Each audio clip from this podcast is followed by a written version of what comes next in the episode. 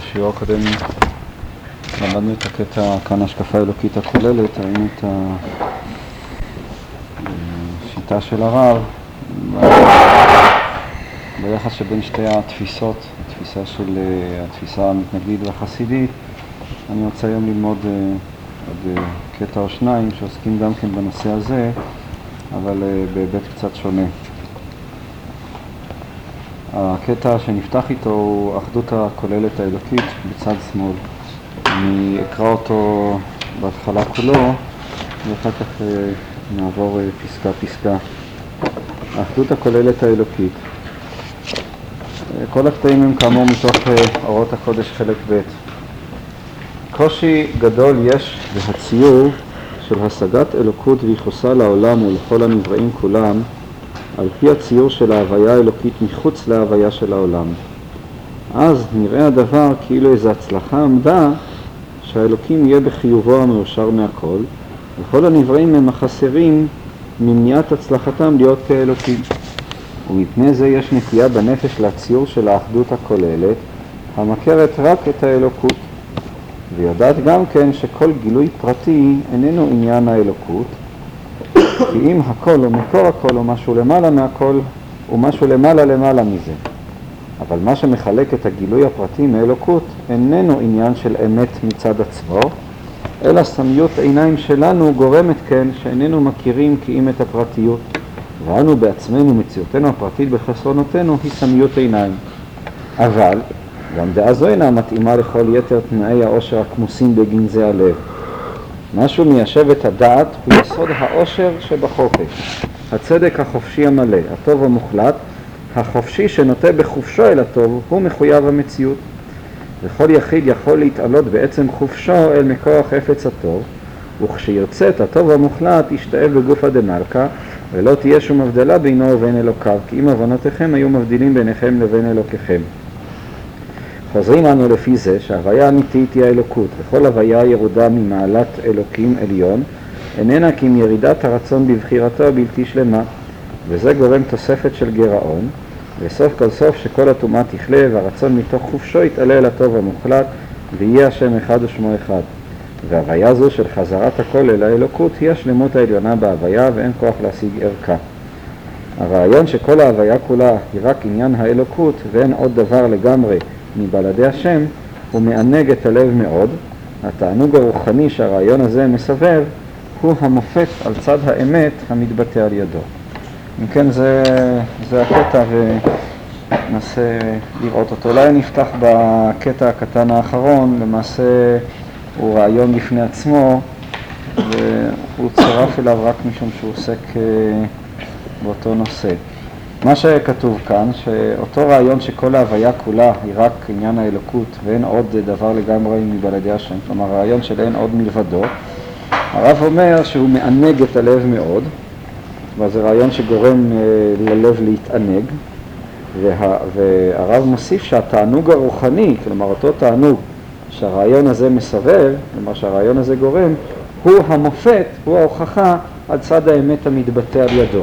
אבל יש כאן איזושהי קביעה שיכולה הייתה להיראות אולי לנו קצת משונה, שהעובדה שהרעיון הזה גורם לנו אה, תענוג, הדבר הזה הוא למעשה ההוכחה שהרעיון הוא אמיתי. זה מה שהרב אומר כאן. כלומר, יש לנו כאן רעיון, הרעיון הזה מענג את הלב, והתענוג שהרעיון גורם ללב, הדבר הזה הוא, כך אומר הרב, מופת, הוכחה, על צד האמת המת, המתבטא על ידו.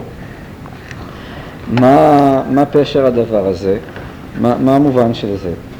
Uh, למעשה זה קשור למערכת הרבה יותר uh, רחבה וכללית שאני כאן uh, אזכיר אותה רק כך בראשי פרקים. המושג של התענוג, הכוח של התענוג, הרעיון עצמו הוא נמצא בחב"ד. אפילו מבחינת, נאמר, המינוחים הקבליים, אה, חב"ד מזהים את הכוח של התענוג אה, ככוח העצמותי ביותר. כן, מבחינת, אה, נאמר, הפרצופים במינוח הקבלי, אז יש פרצוף עתיק יומין, שהוא בפרשנות החב"דית מזוהה עם כוח התענוג העצמי. יש את התענוג העצמי הרצון, שהוא כבר, אה, אפילו הרצון, הוא בחינה נמוכה אה, עוד יותר מאותו תענוג עצמי. אה, יש כאן בצד מסוים דבר שמזכיר לנו כל מיני תפיסות פסיכולוגיות שהן בעצם אומרות שהמניע או הדחף הבסיסי של האדם הוא הרצון להנאה. הרצון, כן, איזה מין תפיסה הדוניסטית כזאת, שמה שגורם לו לאדם לעשות את מה שהוא עושה, בסופו של חשבון זה הרצון שלו ליהנות. עכשיו, כמו כל דבר, אז יש לזה את השורש של הדבר בקדושה. ההבחנה שמבחינים בחב"ד בין, נאמר, התענוג הגבוה, העליון, התענוג העצמי, שהוא למעשה אפשר לומר הדחף הראשון לבריאה, הדחף של אה, ההוויה אה, בתענוג שיש לה בכך שהיא מתגלית, כן, אותה הוויה שהיא מתענגת בעצמה, שהוא התענוג העצמי, הדחף הזה הוא הופך גם כן אה, או, להנאה. ההבדל בין נאמר התענוג העליון לבין ההנאה הוא בכך שההנאה היא תמיד נתפסת כחסרון. ההנאה היא נמצאת באיזשהו כלים שהם מחפשים את ההנאה, הם מחפשים את הרצון ליהנות. בעוד שהתענוג איננו, התענוג העצמי מכל מקום, איננו תענוג מתוך איזשהו רצון של אה, הכלי, נאמר, למלא את החיסרון שיש בו. שוב אני משתמש ב... בצורת ההסברה החב"דית, אלא זה תענוג עצמי, תענוג של ההוויה בעצם אה, היותה, בעצם עצמיותה, אותו עניין, הייתי אומר, שיש לה להוויה אה, בעצמה, והכוח הזה, לפי התפיסה הזאת, הוא בעצם המניע או הדחף הראשון בכלל לבריאה. הרצון של ההוויה אה, להתענג בגילויה, בגילוי מציאותה. בבקשה. כל תענוג לא מוסבר בתור איזשהו... זה, רק תוספת, או שזה לא מלא שום פתרון, גם בהוויה זה תוספת? זה בדיוק מה שמבחין בין התענוג העצמי לבין ההנאה. ההנאה, נאמר, במובן הירוד שלה, הייתי אומר, אה, במובן המנוון שלה, היא בעצם רצון אה, למלא חיסרון, וכל עניינה בכך שחסר לך משהו והוא מתמלא. משום כך ההנאה יש בה איזה צד אה, שאף פעם לא יכול להתממש. משום שאם כל הערך של הדבר הוא רק בכך שהוא חסר, אז ממילא, זאת אומרת שאין לו ערך עצמי, וברגע שהדבר הזה, החיסרון הזה מתמלא, אז שוב אה, האדם חוזר בחזרה לשעמום ולחוסר הסיפוק שיש לו. מה שאמרו חז"ל, שאין אדם מת אה, ותאוותו בידו. אה, זו ההנאה, ההנאה היא למעשה סילוף או ניוון של התענוג העצמי. התענוג העצמי, יש בו תמיד בתענוג בתענוג הרוחני איזה משהו אינסופי. משהו שהוא לא נובע מכוח זה שהתמלא לי איזשהו חיסרון, אלא יש כאן, אה, כמו בכל תענוג רוחני, עצם הדבר עצמו הוא אה, אה, מביא לאיזשהו עינוג, הייתי אומר, אינסופי. זה מכל מקום ההבחנה, ולכן כן, אותה אהבה בתענוגים, שכן האהבה של שיר השירים, היא למעשה הבריאה, הרצון של הבריאה בשביל אותה תענוגים באהבה של, של הצדיק ושל הקדוש ברוך הוא ש, שמשתעשע ומתענג עם, הצ, עם הצדיקים בתענוגי אהבה. עכשיו התענוגים הללו אינם איזושהי שאיפה או תאווה למלות חיסרון, אלא באמת הם מוגדרים כשעשועי אהבה. למה משתמשים במונח שעשועים? משום שהמונח שעשוע, פירושו, שעשוע זה דבר שהוא לא שואף לקראת משהו אחר, כמו משחק. משחק, אנחנו בדרך כלל מתייחסים אה, למשחק כמשהו לא רציני. אה, כן, אבל בצד מסוים אנשים נחשפים דווקא לשחק. אה, למה? דווקא משום שבמשחק יש בו את אותו דבר שהוא איננו שואף לקראת משהו, יש בו איזושהי עצמיות, עצם המשחק עצמו. ולכן דווקא הדבר, נאמר הדרגה הגבוהה ביותר, מוגדרת כשעשועים, כשעשועי אהבה, כשעשועים, אה, כאותה אהבה בתענוגים, שכפי שאמרתי, הצדיק, הקדוש ברוך הוא, משתעשע עם נשמותיהם של הצדיקים. זאת אומרת, אה, ההסבר, נאמר, התפיסה הפסיכולוגית שאומרים לנו, שהרבה פעמים באים ואומרים שבעצם השאיפה של האדם זה ליהנות והוא מחפש את ההנאה, יש בה צד נכון. הדחף, נאמר, הבסיסי של ההוויה היא באמת הדחף של התענוג. רק יש להבחין בין התענוג שהוא, אה, אה, אה, הייתי אומר, נתפס או מושלך על תודעה לא אחדותית, על תודעה של שניות, שהיא בעצם רואה את הדבר כמשהו שמחוץ עליו ושואפת להתענג או ליהנות, לנצל אותו במובן כזה או אחר, לבין התענוג הגבוה של האהבה, שזה התענוג שהוא בעצם אהבה. אין כאן איזו שאיפה לשלוט במשהו, לנצל משהו, להפיק תועלת ממשהו, אלא יש כאן את אותה אהבה או שמחה הדדית שיש, אה, שהיא כאמור הכוח של, ה, של האהבה בתענוגים. שהוא כאמור הכוח הגבוה לפי התפיסה הזאת שנמצא בהוויה. זה הכוח של התענוג. בבקשה. הבנתי נכון. זאת אומרת, אה, של תענוג זה לפני שמקבלים, לפני שעושים את הפעולה, אני נקרא לזה פעולה, לפני שמגיעים לתענוג הזה, אז אין שום חיסרון ואין שום, אין שום, אה, אין שום דבר שהוא אינו. וכשעושים את השעשוע הזה, אז אה, הדבר הוא חיובי יותר פשוט.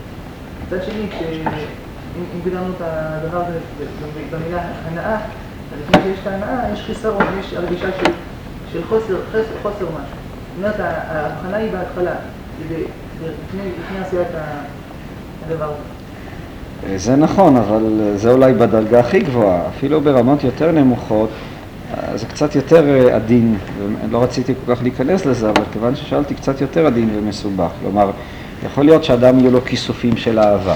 כיסופים של אהבה הם גם כן ביטוי של איזשהו חסרון, כן, הוא נחשף, נחשוף, כן, נחשפה וגם קלטה נפשי, כן, זה גם כן סוג של אהבה, אבל ההבדל הוא, הייתי אומר, ההבדל הוא, אפילו הייתי מביא לזה משל שהשתמשתי בו פעם, משל יותר גשמי, אפילו במושג של רעב, כן, אדם רעב והוא אוכל. עכשיו, יש הבדל בין אדם עבד קשה ועכשיו הוא רעב, שזה דבר שהקדוש ברוך הוא ברא, זה דבר אחדותי, זה דבר שאין כאן, לכאורה הרעב הוא ביטוי של האגו, כן, ש, ש, שרוצה לאכול. אבל זה לא ככה, זה חלק מהזרימה, מהחיות, ש, מהחיים, מזרימת החיים שקיימת בהוויה. אדם שעובד קשה הוא רעב, אז כשהוא אוכל, וגם, כן, צדיק אוכל לשובע נפשו, כן? אה, זאת אותה אכילה, הייתי אומר, ראשונית.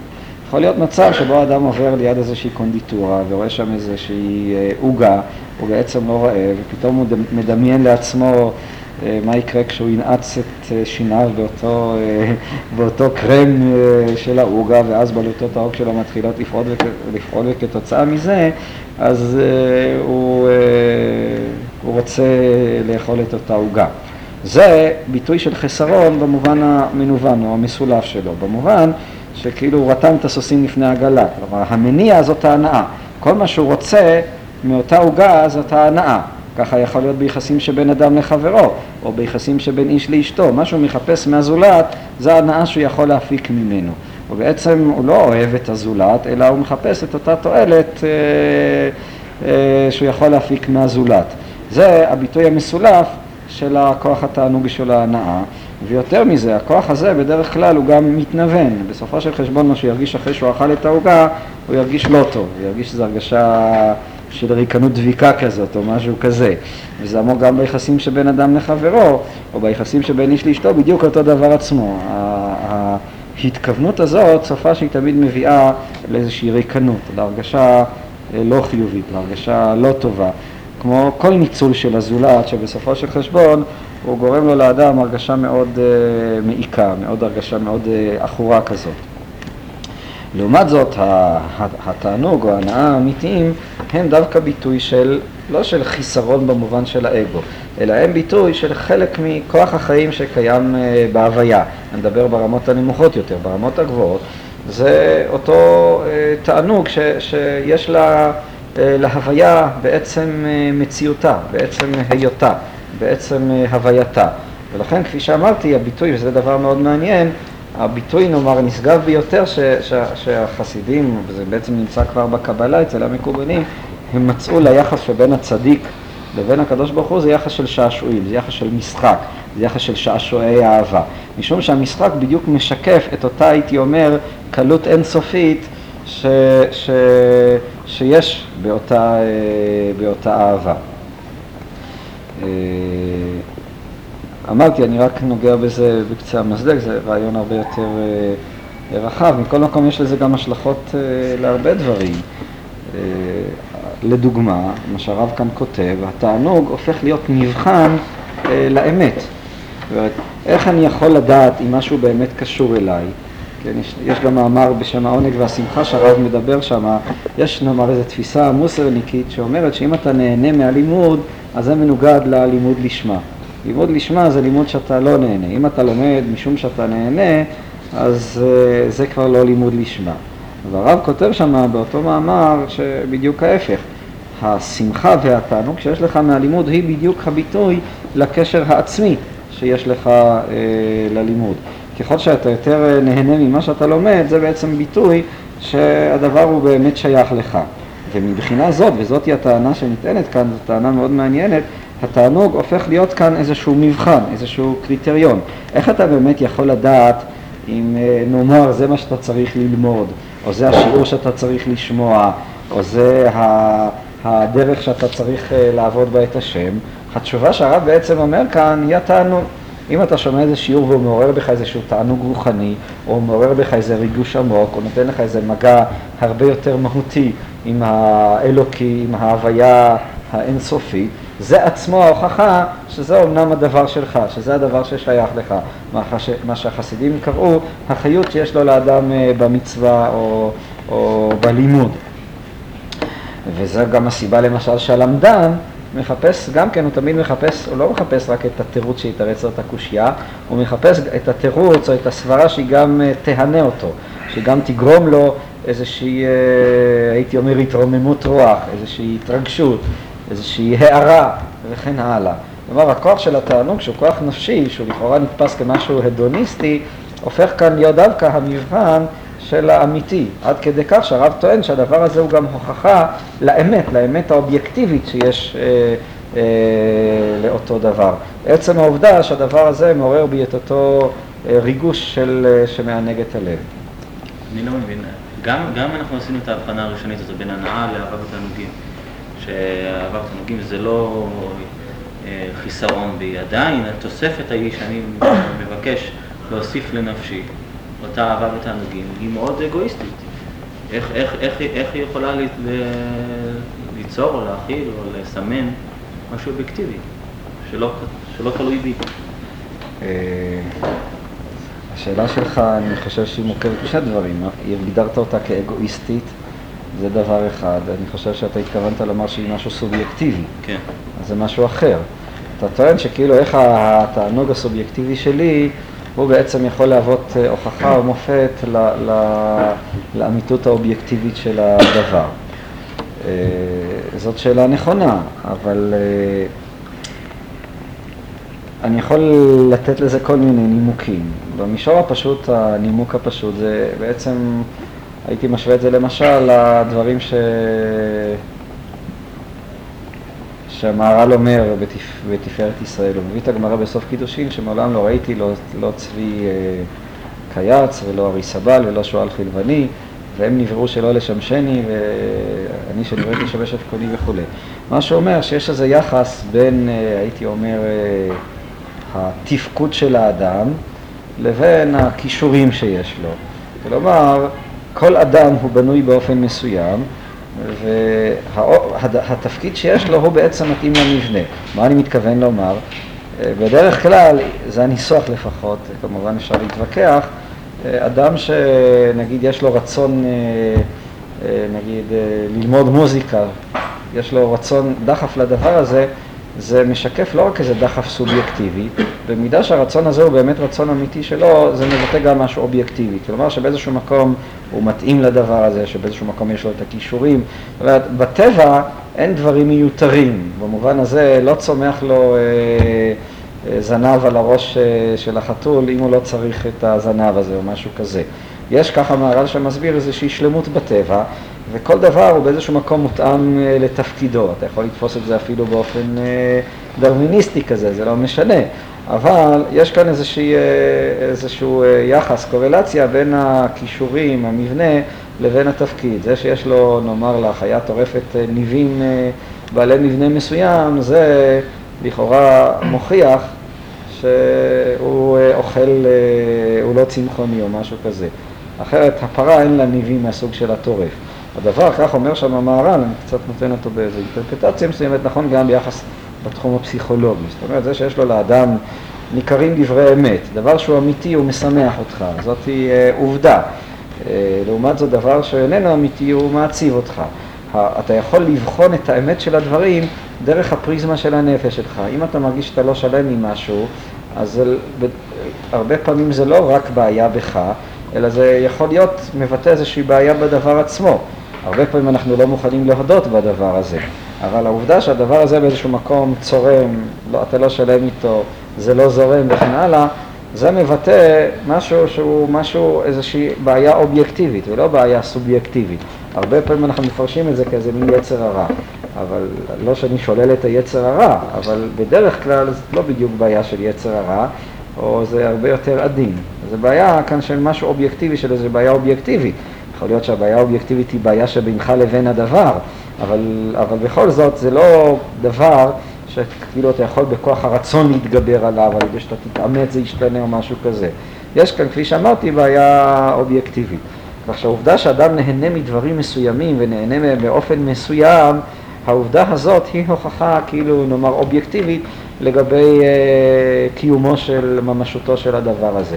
לא ייתכן רעיון מסולף שיגרום לאדם אה, תענוג באותו מובן ש, שמדובר עליו כאן. אף פעם לא יכול להיות אה, ממשהו טמא, לא יכול להיות תענוג אה, אמיתי, תענוג חופשי, תענוג משוחרר. זה מבחינה פסיכולוגית, כלומר זאתי ההנחה, כמובן אפשר להתווכח, אבל אני עקרונית מאוד מסכים לזה. אה, זאת אומרת, אבל כפי שאמרתי, זה דבר ש, שהוא מבוסס על הרבה הנחות קודמות, שאם רוצים אה, צריך לדון בהן. מכל מקום, זה, זה אופן אחד ש, ש, שאפשר לגשת כאן לה, להבין את הדבר הזה, כלומר ליצור את אותו קפיצה שאתה אומר בין התענוג הסובייקטיבי שלי לבין ההוכחה של האמת האובייקטיבית שבדבר. זה לא מחזיר אותנו לחיסרון, לנקודה של החיסרון? אם מדובר פה על קורולציה, על התאמה, אז תמיד, תמיד הרצון שלי להנאה הוא מפחד מחוסר קורולציה, זה חיסרון בעצם. לא הבנתי את השיקול שלך.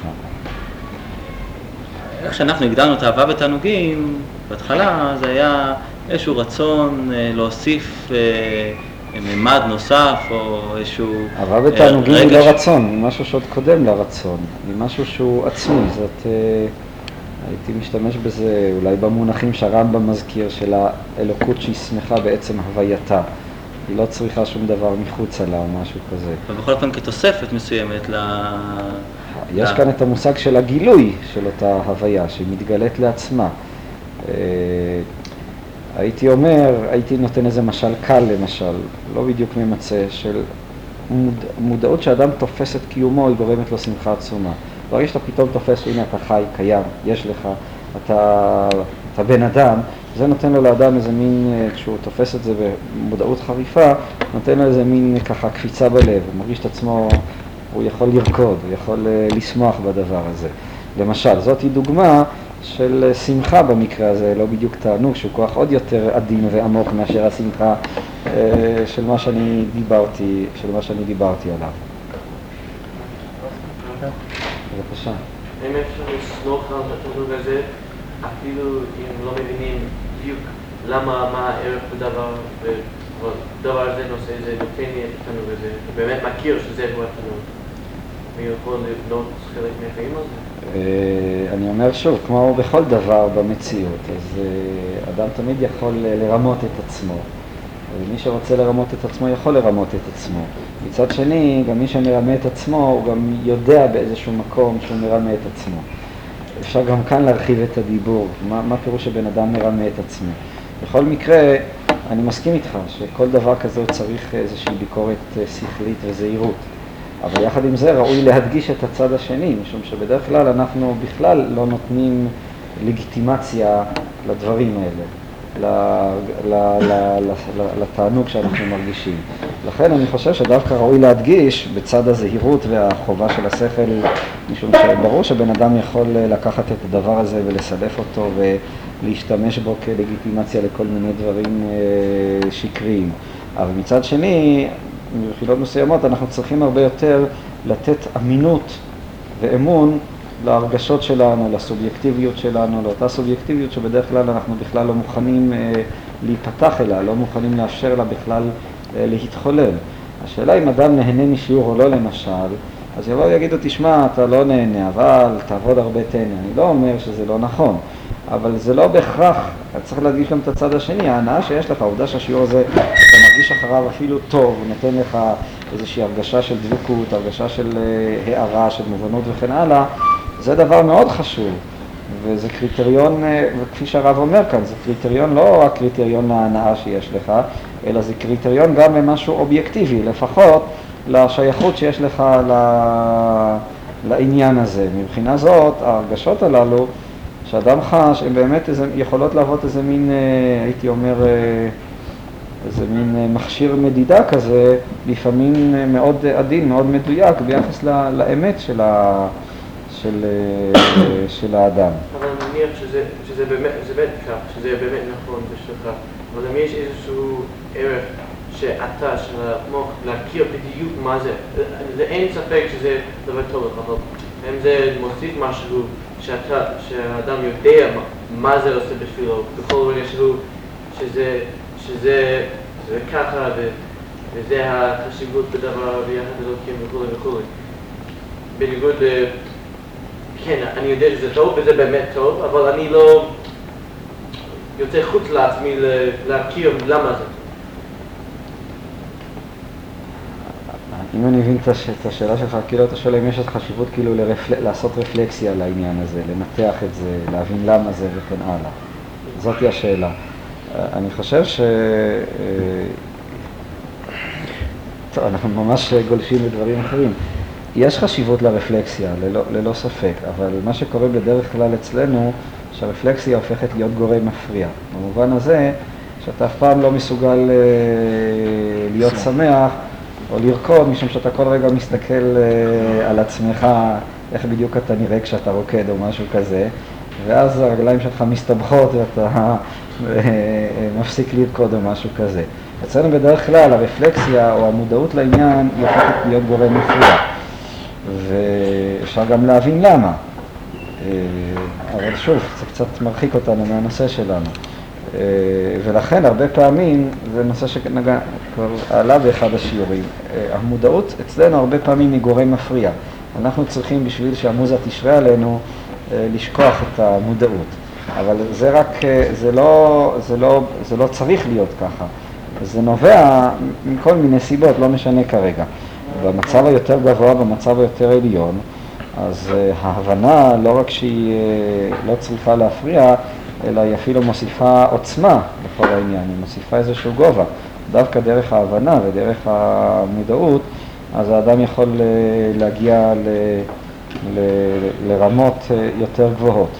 אבל כמו שאמרתי, זה גם עניין של עבודה ושל התפתחות אישית. משום שלפחות ברמה ההתחלתית, או לגבינו, כפי שאמרתי, עצם המודעות, עצם הרפ... אנחנו הרבה פעמים בורחים מהמודעות, משום שהיא מפריעה לנו אה, אה, להידפק במשהו, להזדהות עם משהו. אבל כמו שאמרתי, זה רק נובע כתוצאה מ... הייתי אומר, אה, שימוש לא נכון במודעות, אבל לא משום שעצם העניין ככה. אבל זה דברים שבאמת אה, הרבה יותר רחבים ועמוקים. אבל כל כך אתה מדבר על הצימה ללקות, יכול להיות צימה זה ביטוי של חסרון. כן, לכן אני עניתי מקודם על השאלה שהדבר הוא לא, החיסרון עצמו הוא יכול להתפרש כאילו אה, אה בשני מישורים. החיסרון כאילו כאיזה דימוי, דימוי של מה שיקרה לי, שכל כולו מתחיל באני שלי, לבין מצב שהוא איזה זרימה ישירה ובלתי אמצעית. מכל מקום התענוג העצמי של אהבה בתענוגים זה אותו תענוג אינסופי של, של התגלות ש, ש, ש, ש, שבעצם אה, כן אה, מי לי בשמיים ממך לא חפצתי בארץ, שברגע שאדם זוכה לה, לאותו גילוי אז הוא כבר בעצם לא צריך שום דבר, אה, חוץ מאשר עצם הדבר עצמו. התנ"ך פה הוא מדד או שהוא ערך בפני עצמו? עכשיו, אז זהו, זה היה אופן אחד. האופן האמיתי יותר לתפוס דברים כאלה הוא אופן שונה, אבל זה קצת יותר עדין, אני אנסה להסביר את זה. השאלה מה אתה קורא אמת. אתה, כשאתה שואל את השאלה, שאלת מקודם את השאלה למה התענוג הסובייקטיבי יכול להוות ראייה לאמת האובייקטיבית, אז אתה בנוי על אותו דימוי, וכאן אנחנו בעצם חוזרים לקטע שלנו, על אותו דימוי של עולם מחוץ לאלוקות.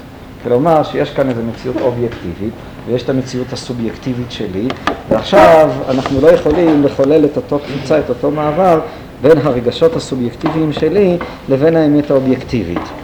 זה בעצם מה שמונח בשאלה שלך. כל השאלה שלך בנויה על המבנה, על הדגם על הדימוי של עולם כזה, של עולם שבו ישנו סובייקט וישנו אובייקט והם שניהם נמצאים אחד מחוץ על השני. אבל העולם של האמונה, שהרב מדבר עליו, שהוא אה, העולם של אין עוד מלבדו, הוא מכחיש את הדבר הזה. הוא בעצם אומר, וזה החופש הגדול שיש כאן, כלומר אין שני דברים, הסובייקט והאובייקט, אלא יש כאן אחדות אחת, שזאת היא האלוקות האינסופית, וכלל לא ניתן להפריד בין מה שמתרחש בסובייקט לבין מה שקיים באובייקט. באינסופיות האלוקית, כמובן שזה דבר שאי אפשר להבין אותו בתודעה הראשונה, בתודעה שמתוארת כאן בתחילת הקטע, בציור של האלוקות כי נמצאת מחוץ על העולם, בציור של חוסר החופש. זה מחייב איזו תודעה של חופש עצום, שהיא באמת נובעת מתוך אמונה, מתוך האמונה של אין עוד מלבדו, מתוך אמונה שאי אפשר לדבר כאן באלוקות על דברים שהם ניצבים אחד מול השני, אלא מה יש? יש את האלוקות האינסופית. מבחינה זאת, או באופן הזה, או מתוך החופש הזה, אז באמת אה, מה שאדם, בעצם כל מה שאדם אה, חושב, אה, זה בעצם קיים, כמו שהרב אומר בהרבה קטעים. השאלה של מה שהוא קיים זה פונקציה של באמת רמת החשיבה או של רמת התענוג או של uh, אופן הקיום של אותו בן אדם. כלומר, בכל, באותה מידה שבאמת הוא יהיה בטל באלוקות, באותה מידה אז אי אפשר נטשטש או, או, או, או נעלם הפער שבין uh, הסובייקט לבין האובייקט. עכשיו, האדם הזה הוא בעצם מה שהוא, מה שהוא זה מה שקיים.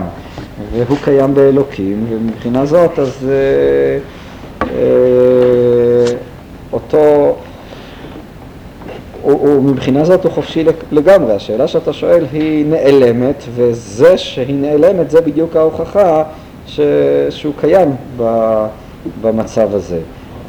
אין, אין הפרדה, וגם השאלה האם התענוג הוא רק מדד או התענוג הוא הדבר עצמו, אז זה תלוי. מבחינת התודעה הנמוכה אז התענוג הוא רק מדד.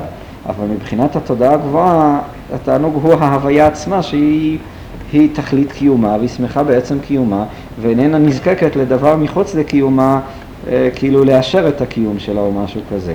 זה בעצם מה שקיים בתודעה הגבוהה יותר.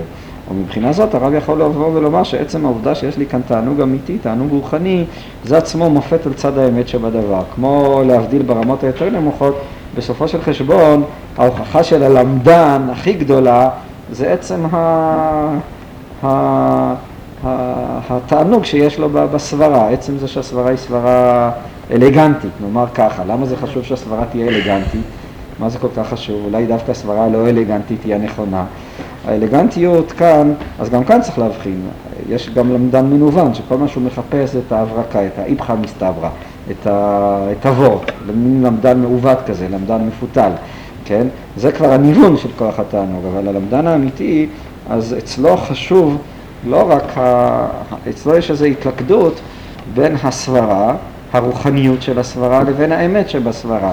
וגם מבחינה טכנית, אה, נגיד, זה לא תמיד עובד, אבל האמת כאן היא באה לידי ביטוי בעובדה שהיא גם באלגנטיות שבדבר.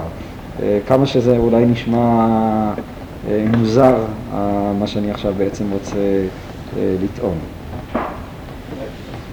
יכול להיות, אבל בונה אחת, יש אה, שיעור שימצא חן בעיני אחד ולא אחד, יש איזו דעה שמאוד תקומם אחד ומאוד אה, תשמח אחר, זה יכול להיות גם נכון אובייקטיבית? החושים של אחד מראים לו שזה שקר, החושים של אחד מראים גם לגבי ספרד, לגבי דבר. טוב, אז אני אמרתי, יש כאן... אפשר להיכנס לדבר הזה בכל מיני אה, אופנים. בצורה הכי פשוטה, כמו שאדם יכול, אה, יש אדם שרואה יותר טוב, יש אדם שרואה פחות טוב. כלומר, ודאי שיש כאן פונקציה של המסתכל. אבל הפונקציה הזאת היא באה לידי ביטוי גם בתענוג. ישנו, כמו שהאדם עצמו, יש לו דברים שהם יותר אה, בהירים ונהירים ומעוררים תענוג אמיתי, יש דברים שהם אולי מהנים אותו, אבל הם לא נותנים לו אותה שמחה וכן הלאה. גם כאן אפשר לדבר על רמות, על קריטריונים, על, אה, על בני אדם וכן הלאה. לכן כאילו, בעצם מה שקורה בוויכוח רגיל בין בני אדם, זה מה שקורה. למה בעצם שני בני אדם הם מתנגדים אחד לשני? הרי אף אחד, מה קורה בוויכוח של שניים? בוא, בוא נשים לב רגע. האם באמת מישהו עשה איזה סטופ, עצר, שקל, מה בעצם מה שאני אומר, מה אני אומר, מה הנקודות שלו, מה הנקודות שלי וכן הלאה. הרי ויכוחים מעין אלו הם אה, נדירים וכמעט לא קיימים. מה קיים בדרך כלל? איזה ויכוח. אתה אומר משהו, זה מעורר בי איזושהי תגובה, אתה יכול להגדיר את זה אפילו כתגובה רגשית, ואז זה בא לידי ביטוי במילים שלי. המילים, הרעיונות, הם בעצם אה, ביטוי של אותה התרחשות הווייתית שהתרחשה אצלי. מה שמתרחש אצלי, מתרחש אצלי זה לא איזו חשיבה מופשטת, רפלקטיבית, אלא מתרחשת, מתרחשת אצלי איזו התרחשות הווייתית, שעכשיו כל ההוכחות והטיעונים וכן הלאה הם ביטוי אה, כאילו של אותה הווייתיות. מהי ההוכחה, מה טיבה של ההוכחה, מה זה נקרא הוכחה וכן הלאה, כל הדברים האלה הם, אה, הם אה, ביטוי של אה, איזושהי תגובה של התרחשות הווייתית. מה שמתרחש בינינו זה, זה מגע מסוג שונה לחלוטין. זה לא איזה מערכת של טיעונים מנוכרת שעומדת אחת מול השנייה, אלא מתרחש בינינו איזה קשר של, שהוא תקרא לו רגשי, אני חושב שזה משהו יותר עמוק מרגשי או משהו כזה. זה בעצם גם מה שמתרחש בוויכוח רגיל, בוויכוח פשוט. לא, מה? אני לא יכול לדעת, לא יכול לסמוך על הרגישות שלו. מישהו אחר אה, יכול להרגיש אחרת. בסדר, אבל, אבל אני אומר, זה מה שהוא, וככל שהקיום לא שלו... לא אבל אני אומר, ככל שהקיום שלו יהיה יותר ברור, יותר נהיר לעצמו, יותר אה, אמיתי, אני, זה בדיוק הוויכוח, אני חושב שאדם כן יכול לדעת. זאת אדם ברמה יכול, כפי שאמרתי, אדם יכול לדעת מהו אמיתי לגביו ומהו לא אמיתי לגביו. אם כמובן הוא לא מסלף את עצמו, הוא לא מרמה את עצמו, ויותר מזה, הרבה פעמים הוא גם חושב דרך אה, מה שאחרים אמרו לו. אבל אם מסוגל לחשוב באופן כן וראשוני ואמיתי, אדם כזה, לפי דעתי, ברור לי לחלוטין שהוא יוכל אה, להגיע לאמת, לפחות אה, לאותה אמת, שהיא האמת שהקדוש ברוך הוא רוצה ממנו. בבקשה, אני רואה אותך ככה כחום היום.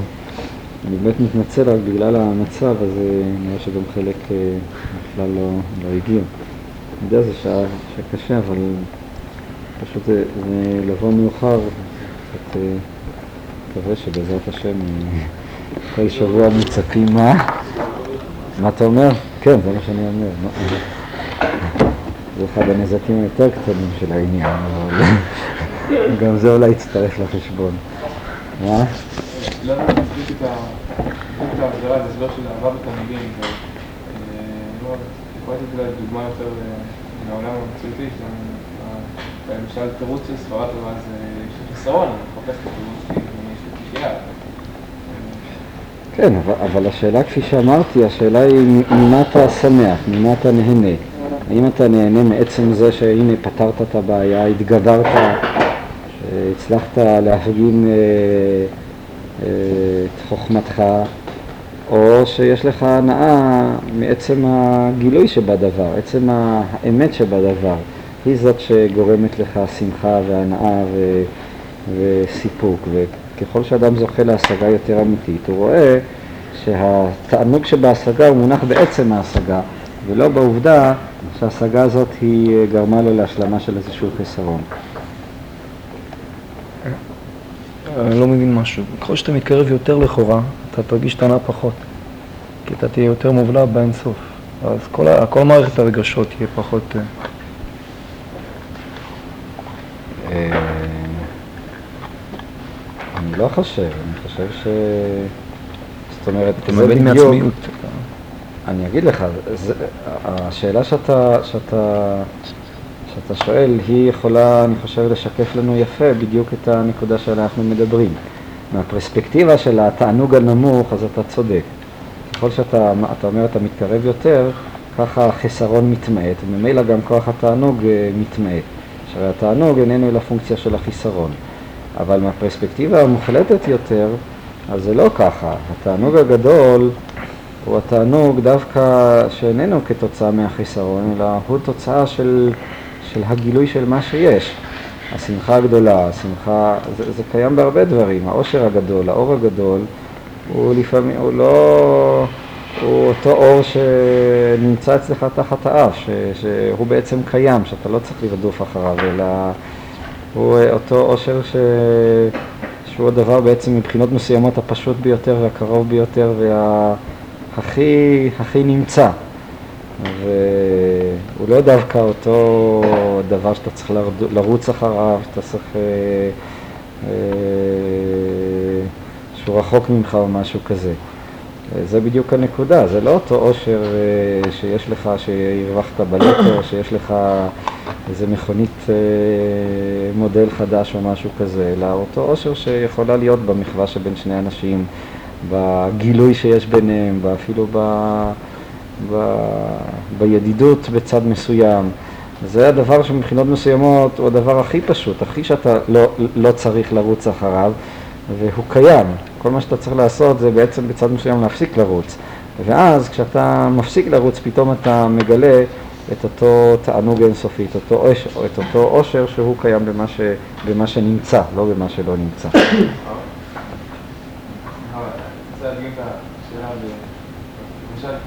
אם נגיד איזשהו מרכזניק שכל בני אדם הם שווים, אז אין הבדל מהותי סגולי פנימי בין יהודי לגוי, אז הוא מאוד מאוד יתרגז עליך, זה ממש יכול להרביץ לך. אם נגיד את זה לאיזה שמאלני, נקודה כזאת, נגיד לו שיש הבדל מהותי פנימי בין יהודי לבין שום חיים, שהוא כמו הבדל בין אדם לבעלי חיים, הוא גם כן ירצה לרצח אותך. עכשיו, לא חושב שמישהו מרמה את עצמו, שניהם מרגישים, שניהם מאמינים בזה בצורה אמיתית, לא, שניהם שלמים בזה, וזה, מרגישים טוב עם הדעה הזאת.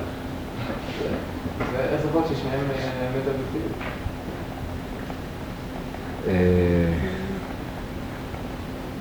אני אומר שוב, אפשר לענות על השאלה הזאת בהמון אה, מישורים, אבל בצורה פשוטה, אף אחד מהם אין להם השגת, השגת אלוקות במובן שעליו אנחנו מדברים. כלומר, אותה רמה של אמת, הן ביחס למרכזני כפי שהצגת אותו והן ביחס לשמאלני, אין להם, זה לא השגה, זה משהו אחר, זה לא איזה בהירות, זה לא איזה ראייה.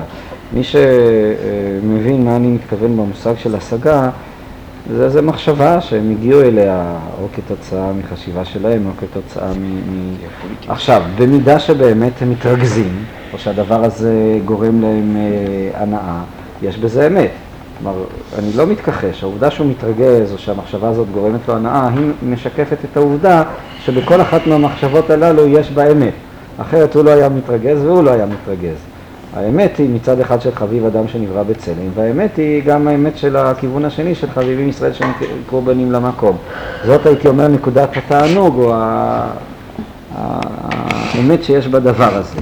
יחד עם זה, זה אף אחד מהם לא ישתחרר לקראת איזושהי ראייה הרבה יותר גבוהה, לקראת השגה, ש... שאז אתה יכול לדבר במישורים כאלה. זאת אומרת, זה לא מסוג ה... לפחות בהקשר הזה, אין לזה את אותה הרגשה של אה, עינוג הלב שהרב מדבר עליה כאן. אה, זה מה שאני יכול אה, לענות באופן כללי, אבל אני לא יודע אם יש חשיבות לקושיות האלה, משום שמה שחשוב כאן בסופו של חשבון לגבינו זה עצם ההשתחררות שלנו, נתינת האמון, כפי שאני אמרתי, לעולם הפנימי שלנו, לעולם הסובייקטיבי. אנחנו לא צריכים לעמוד כל רגע על המשמר, אולי זה רק סובייקטיבי, אולי אנחנו מרמים את עצמנו, משהו כזה. ודאי, צריכה להיות איזושהי ביקורת עצמית, אחרת האדם עלול להיגרר לכל מיני דמיונות.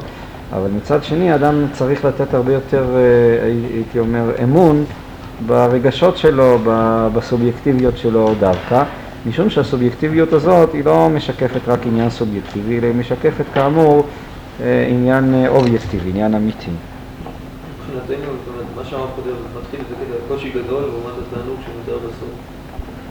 מבחינתנו, ברמה שלנו זה יוצא הפוך, זאת אומרת, התענוג שלנו כן להפריד, זאת אומרת, להגיד זה אלוקות, אם זה אני, וכל אחד איכשהו, יש איזושהי חלוקה מסוימת שבני אדם אה, נוטים, או איכשהו בצורה מסוימת עושים את האלוקות, אבל זה הרבה יותר פשוט והרבה יותר מתענג מאשר לדעת שהכל זה הוויה אחת, ואז ממילא זה כל מה שאני עושה זה משפיע, ואז בן אדם חי, אני חושב, ככה אני מרגיש לפעמים, מין רמה של אה, הכל הכל, אז זה לא מה שהוא מתאר פה בסוף, שזה. שמענג את הלב, וזה מסובב, וזה מופת, וזה... זה יכול להגביל מאוד את הבן אדם. זאת אומרת, הרעיון שהכל הכל הוא אלוקות גדולה, הוא איפה הוא ואיפה הוא. לעומת מה שהוא מתאר בתור קושי, אני חושב שברמה של. זה הרבה יותר תענוג לנו אולי, שאנחנו מפרידים ורואים איזה הצלחה, מה שהוא כותב בהתחלה, שאלוקים יהיה בחיוב, והשאר אנחנו קצת חסרים, נו, אנחנו חיים זה בסדר. טוב, השאלה שאתה שואל היא כבר קשורה לקטע עצמו, ו... אז אולי באמת אה, נעבור ככה, בדקות שנותרו, נעבור על הקטע עצמו, ואני חושב שבאמת אה, אה, ההערה שלך היא, היא, היא נמצאת כאן. הקטע כאמור מתחיל באותו קושי גדול שיש בציור, והדימוי של השגת אלוקות ויחסה לעולם לכל הנבראים כולם על פי הציור של ההוויה האלוקית מחוץ להוויה של העולם. כלומר, ישנו הדימוי, שהוא אה, הדימוי השכיח, של תפיסה של הוויה אלוקית כנמצאת מחוץ לעולם. הרב טוען שהציור הזה, הדימוי הזה, הוא למעשה יש בו קושי רב. למה יש בו קושי רב? כאן למעשה אנחנו חוזרים לאותה ביקורת שראינו אה, בפעם הקודמת. אה, אז נראה הדבר כאילו איזו הצלחה עמדה, כלומר קרה איזה מקרה כאן שאלוקים יהיה בחיובו המאושר מהכל, וכל הנבראים הם החסרים ממניעת הצלחתם להיות כאלוקים. כלומר, יש כאן איזושהי אה, הרגשה שהאדם מרגיש את עצמו, כפי שראינו גם אז, באיזושהי מועקה. כן, הוא, עצם הדימוי הזה מנציח את מעמדו כאדם, כנברא חסר, שאף פעם לא יכול להגיע לכלל איזשהו, אה, לכלל איזשהו מועקה, יוצר חלישות. ומפני זה יש נטייה בנפש, וכאן מתוארת התפיסה החסידית, והציור של האחדות הכוללת המכרת רק את האלוקות. והיא יודעת גם כן שכל גילוי פרטי איננו עניין האלוקות. זאת אומרת, זאת אותה תפיסה חסידית שאומרת שלאין עוד מלבדו. מה שמחלק את הגילוי הפרטי מאלוקות איננו עניין של אמת מצד עצמו, כלומר זה לא עניין אובייקטיבי, אמת מצד עצמו, אלא סמיות עיניים, הדמיון שלנו, העיוורון או הבערות שלנו, היא גורמת כן, שאיננו מכירים, אנחנו קיים את הפרטיות. ואנו בעצמנו, מציאותנו הפרטית בחסרונותיה, היא סמיות עיניים. עד כאן התיאור או אופן מסוים של התיאור של התפיסה החסידית. מה שכאן אה, אה, מקדם אותנו בצד מסוים שונה גם מהקטע, מהפרק הקודם שלמדנו, זה הקטע הבא שהוא גם מתקשר להערה שהעירו כאן מקודם. ושוב, זאתי עמדה שבה הרב אה, למעשה חולק על התפיסה החסידית. אבל גם דעה זו, כלומר אותה תפיסה חסידית, אינה מתאימה לכל יתר תנאי העושר הכמוסים בגנזי הלב. כלומר, גם הדבר הזה הוא לא מתאים לאותם תנאי העושר הכמוסים בגנזי הלב. אבל תשימו שוב לב, אה, דבר שהדגשתי אותו כמה פעמים, שם, מה? לא? התפיסה החסידית היא התפיסה שלמעשה אין אלא, אין עוד מלבדו, כל דבר איננו אלא, אלא גילוי אלוקי, איננו אלא מציאות אלוקית, הבריאה כלולה, כלולה באלוקות, התפיסה שאנחנו תופסים את עצמנו כישים העומדים בפני עצמם איננה אלא סמיות עיניים, כלומר איננה אלא עיוורון או בערות. אני חושב שאני קיים, אבל למעשה זאת היא רק מחשבה, כמו שהמחשבה על האבטיח היא איננה אבטיח, אבטיח זה דבר שאתה יכול לנעוץ בו את השיניים והסיס שלו איכשהו ינטוף לך על הזקן, אבל דבר שאתה לא יכול לעשות אותו אה, במחשבה. אותו דבר, אם אתה תחפש את האני שלך, לא תמצא דבר כזה. תגלה שהאני הזה איננו אלא איזשהו דימוי שלך או מחשבה שלך. אין כאן מציאות עצמותית של אני, אלא יש כאן תופעה, יש כאן הוויה, יש כאן את הגילוי של, ה... של האינסוף האלוקי. זו-. מה? מי חושב שזה? חושב שזה... יש לך מציאות שלך, אתה חושב, מי חושב? מה? אם אין אתה, אז מי חושב? מי חושב את זה? ומי... מי... מולך שלך? מי משתה? כן, אבל אתה בעצמך מבין ש, ש, שהשאלה שלך עצמה היא שאלה... מי שואל את השאלה? מה? אתה שואל את השאלה, מי... אולי גם השאלה שלך היא תוצאה של אותה סמיות עיניים. בסדר, אפילו ב... הרי השאלה מתעוררת מאליה, במשפט עצמו. ברגע שהרב הרב אמר, אה, יש לך מחשבה שלך, אבל, אה, בעצם תבדוק, אז, אין אני. אז, אז מה זה המחשבה שלך? מה זה המחשבה שלי? המחשבה שלי זה. כמו שיש שולחן, יש כיסא, אז יש מחשבה. זה דבר עצמי. בסדר, אז מה אם זה דבר עצמי? אבל זו תופעה. יש כאן איזה מין אישון קטן, איזה מין אה, עצם כזה, איזה מין, אני לא יודע איך אתה מתאר את האני שלך בדיוק. איזשהו משהו. אין דבר כזה. כמה שתעשה היפוכים אה, בתוך הבטן או בתוך התודעה או משהו כזה, לא תמצא, ויותר מזה. לא. אם, אם היה משהו כזה, או ככל שיש משהו כזה, ככה אתה פחות קיים בצד מסוים. אה, יש שום- לו מציאות רוחנית, לא. אבל מה זה, אבל מציאות רוחנית, מה זה מציאות רוחנית? בואו נשאל את עצמנו, מה זה אוויר, שמש, קרניים? מה זה, מה אתה קורא מציאות. רוחנית? מה? הכל דוגמאות גופניות, אני לא יודע להגיד. אז מה זה, אני לא יודע להגדיר מציאות גופנית.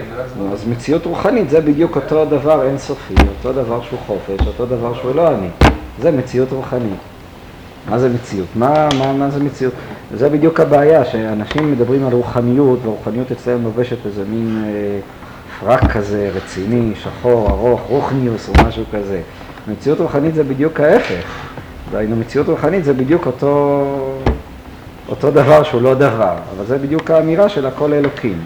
אין דבר כזה כבד כזה, אטום כזה, אפל כזה, שחור כזה, שעומד מאחורי הדברים או משהו כזה. אם היה דבר כזה זה היה מאוד גרוע. מה? תודעה עצמית גם אין? מה? תודעה עצמית גם? תודעה עצמית זה תודעה עצמית, זה חלק מאותה רוח, מאותם שעשועים. זה דבר עצמי אבל מה? לא דבר עצמי. מה אתה קורא מילה עצמי? המילה עצמי מכבידה עליי. מה? שלי, שהוא לא של אף אחד אחר, שהוא שונה, שהוא נבדל מאחר, שהוא מבדיל אותי מאחר. אבל מי זה אותו אחד שאתה אומר עליו ש... שהוא שלו? בעל התודעה. מה? בעצם זה שיש תודעה נבדלת, זה אומר שיש גם... אה, למה? זה אומר מישהו שיש לו איזה כלב כזה שנקרא תודעה, מה... שהוא, שהוא קשור אליו באיזושהי רצועה. או ככה, או שהתודעה עצמה. אוקיי, אבל אם זו תודעה עצמה, אז אין כבר שלי. עצם מילת היחס של הבעלות, היא איזו מטאפורה שאנחנו לוקחים אותה מעולם המסחר, מעולם הקנייני, ומעבירים אותה אה, לעולם הנפשי או הפסיכולוגי, אבל היא עצמה מוטעית, הרי זה חלק ממה שאנחנו כאן אה, אה, לומדים. טוב, אני אסיים את הקטע, לא, לא רוצה להכביד אה, יותר מדי. אה,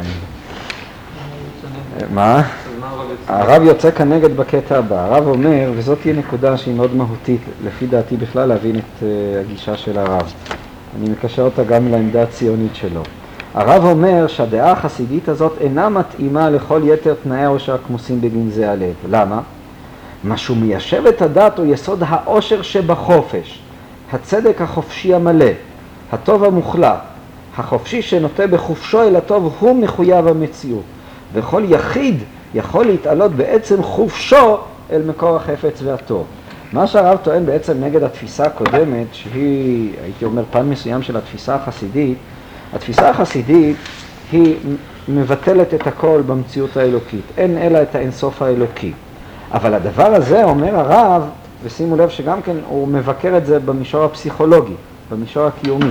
הוא לא מתאים לתנאי העושר הכמוסים בגנזי הלב. למה? משום שהשאיפה של האדם היא שאיפה, הייתי אומר, לאותו חופש יצירתי. בעוד שהתפיסה הקודמת היא בעצם תפיסה, וזאת היא התפיסה החסידית, שבסופו של חשבון היא מדריכה את האדם לפסיביות. היא באה ואומרת, מה שאתה צריך לעשות, אתה בעצם צריך להיות פתוח למה? לכוח האלוקי שיזרום דרכך. להיות מופעל על ידי, אותו, על ידי אותה ספונטניות אלוקית. ואז, אם אתה לא תופס את עצמך כישות העומדת בפני עצמה, כישות שיכולה לעשות, שיכולה לפעול, שיכולה להזיז דברים וכן הלאה, אז ורק אז אתה חלק מאלוקים. תפיסה אחרת היא בעצם שהיא כפירה, היא שייכת לסטרא אחרא. התפיסה שהרב מדבר עליה, היא אומרת שהדבר הזה הוא לא מתאים ל, ל, ל, לתנאי העושר הכמוסים בגנזי הלב. משום שאדם בכל זאת חפץ במה? הוא חפץ בחופש היצירתי שלו. הוא חפץ הוא רוצה שאלוקים יאהב אותו, אבל יאהב אותו לא כחלק ממנו, אלא יאהב אותו כאותו. באיזשהו מקום הייתי אומר, האדם שואף אפילו שאלוקים יכבד אותו במובן הזה שלא יבלע אותו בתוך האינסופיות האדירה והאיומה שלו, אלא ביטוי. אה, שייתן לו את המקום שלו, את הביטוי שלו, שאלוקים יאהב אותו ויכבד אותו. הרי מה שאנחנו שואפים, וזה באמת מתקשר לנקודה שאתה הערת מקודם, הרי השאיפה היא של האדם, ולמה אני אמרתי שזאת נקודה ציונית אצל הרב? משום שהציונות היא בעצם כל כולה הטיפה לאקטיביות. כן, הסיסמה שלהם הייתה אה, נגאל את עצמנו בידי עצמנו, או משהו כזה. השאיפה האקטיבית הזאת, בעצם הרב מקבל אותה. הרב בא ואומר שהטוב האמיתי הוא אותו טוב חופשי, הוא לא טוב שכפוי עליך או שזורם דרכך בזה שאתה הופך להיות כלי לאינסוף משהו כזה, אלא אותו טוב שהוא תוצאה של בחירתך החופשית, של יצירתך שלך, של אותו חופש אמיתי, חופש ממשי, החופש האינסופי בצד מסוים שיש לו לאדם. ודווקא הדבר הזה הוא הופך להיות טוב מוחלט. למה? משום שכל טוב שהוא תוצאה של משהו שהוא מחוצה לו, איננו טוב מוחלט, איננו טוב עצמי. בשביל שדבר יהפוך להיות טוב עצמי, בשביל שדבר יהפוך להיות טוב ממשי, הוא חייב לו כתנאי את החופש.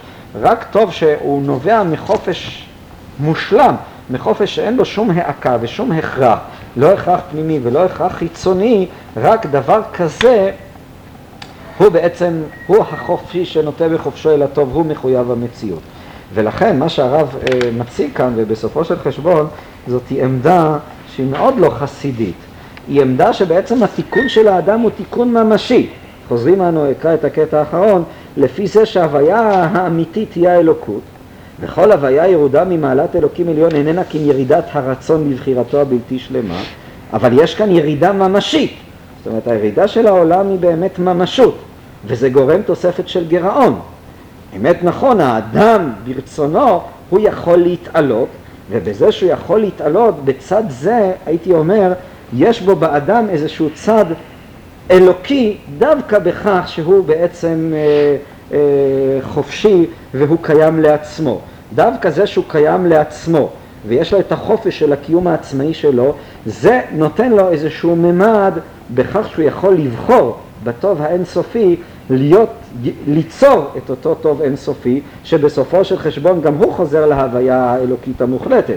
אבל הדבר הזה הוא אה, אפשרות של יצירה ממשית, של יצירה ריאלית, של יצירה אה, אמיתית, של אקטיביות שאדם יכול אה, לפעול ולהניע אותה באמצעות רצונו שלו. עצם הדגש הזה של הרצון של האדם כבעל יכולת של פעולה חופשית לחלוטין, זה בעצם, זאתי ההוויה של חזרת הכל אל האלוקות, של מה שהרב במקום אחר מכנה כהשתלמות, כיכולת של היצירתיות, שהיא נובעת דווקא מכוח זה שהאדם הוא, הוא, הוא סופי, הוא פגום, ואז הוא גם יכול ליצור, הוא גם יכול להתעלות. זה אותו סיפוק נאמר שיש לו לאדם שהוא עשה בעצמו דברים, כן? אתה, זה עשינו בעשר אצבעותינו. זאתי אותה אה, הרגשה עצומה שהיא נובעת מכוח היצירה החופשית של האדם, והיא דווקא נובעת מכוח האני, מכוח האני האקטיבי של האדם. וכאן מבחינה זאת, הייתי אומר, בזה אני אסיים, הזכרתי את זה באחד השיעורים, זה שהחסידות, נאמר ברובה, לא הייתה, לא נטטה לציונות, זה לא עניין מקרי, זה עניין עצמי. משום שהחסידות, דיברנו על זה בהיבט קצת אחר, היא לא נותנת רלוונטיות או חשיבות לעולם בכלל. העולם הוא לא קיים. ממילא אין חשיבות אה, לקיומו, לתיקון העולם במובן האובייקטיבי. כאן מתגלה פן נוסף של הדבר. החסידות מעצם הגדרתה היא שואפת לפסיביות. היא רואה באותה פסיביות ביטוי של ביטחון בקדוש ברוך הוא. גם הפסיביות הזאת יכולה להיות uh, מסולפת ויכולה להיות אמיתית. אבל בסופו של חשבון, האקטיביות, נאמר, הציונית, נתפסת אצלה בהכרח כחילונית. וכאן הרב דווקא אומר לא ככה.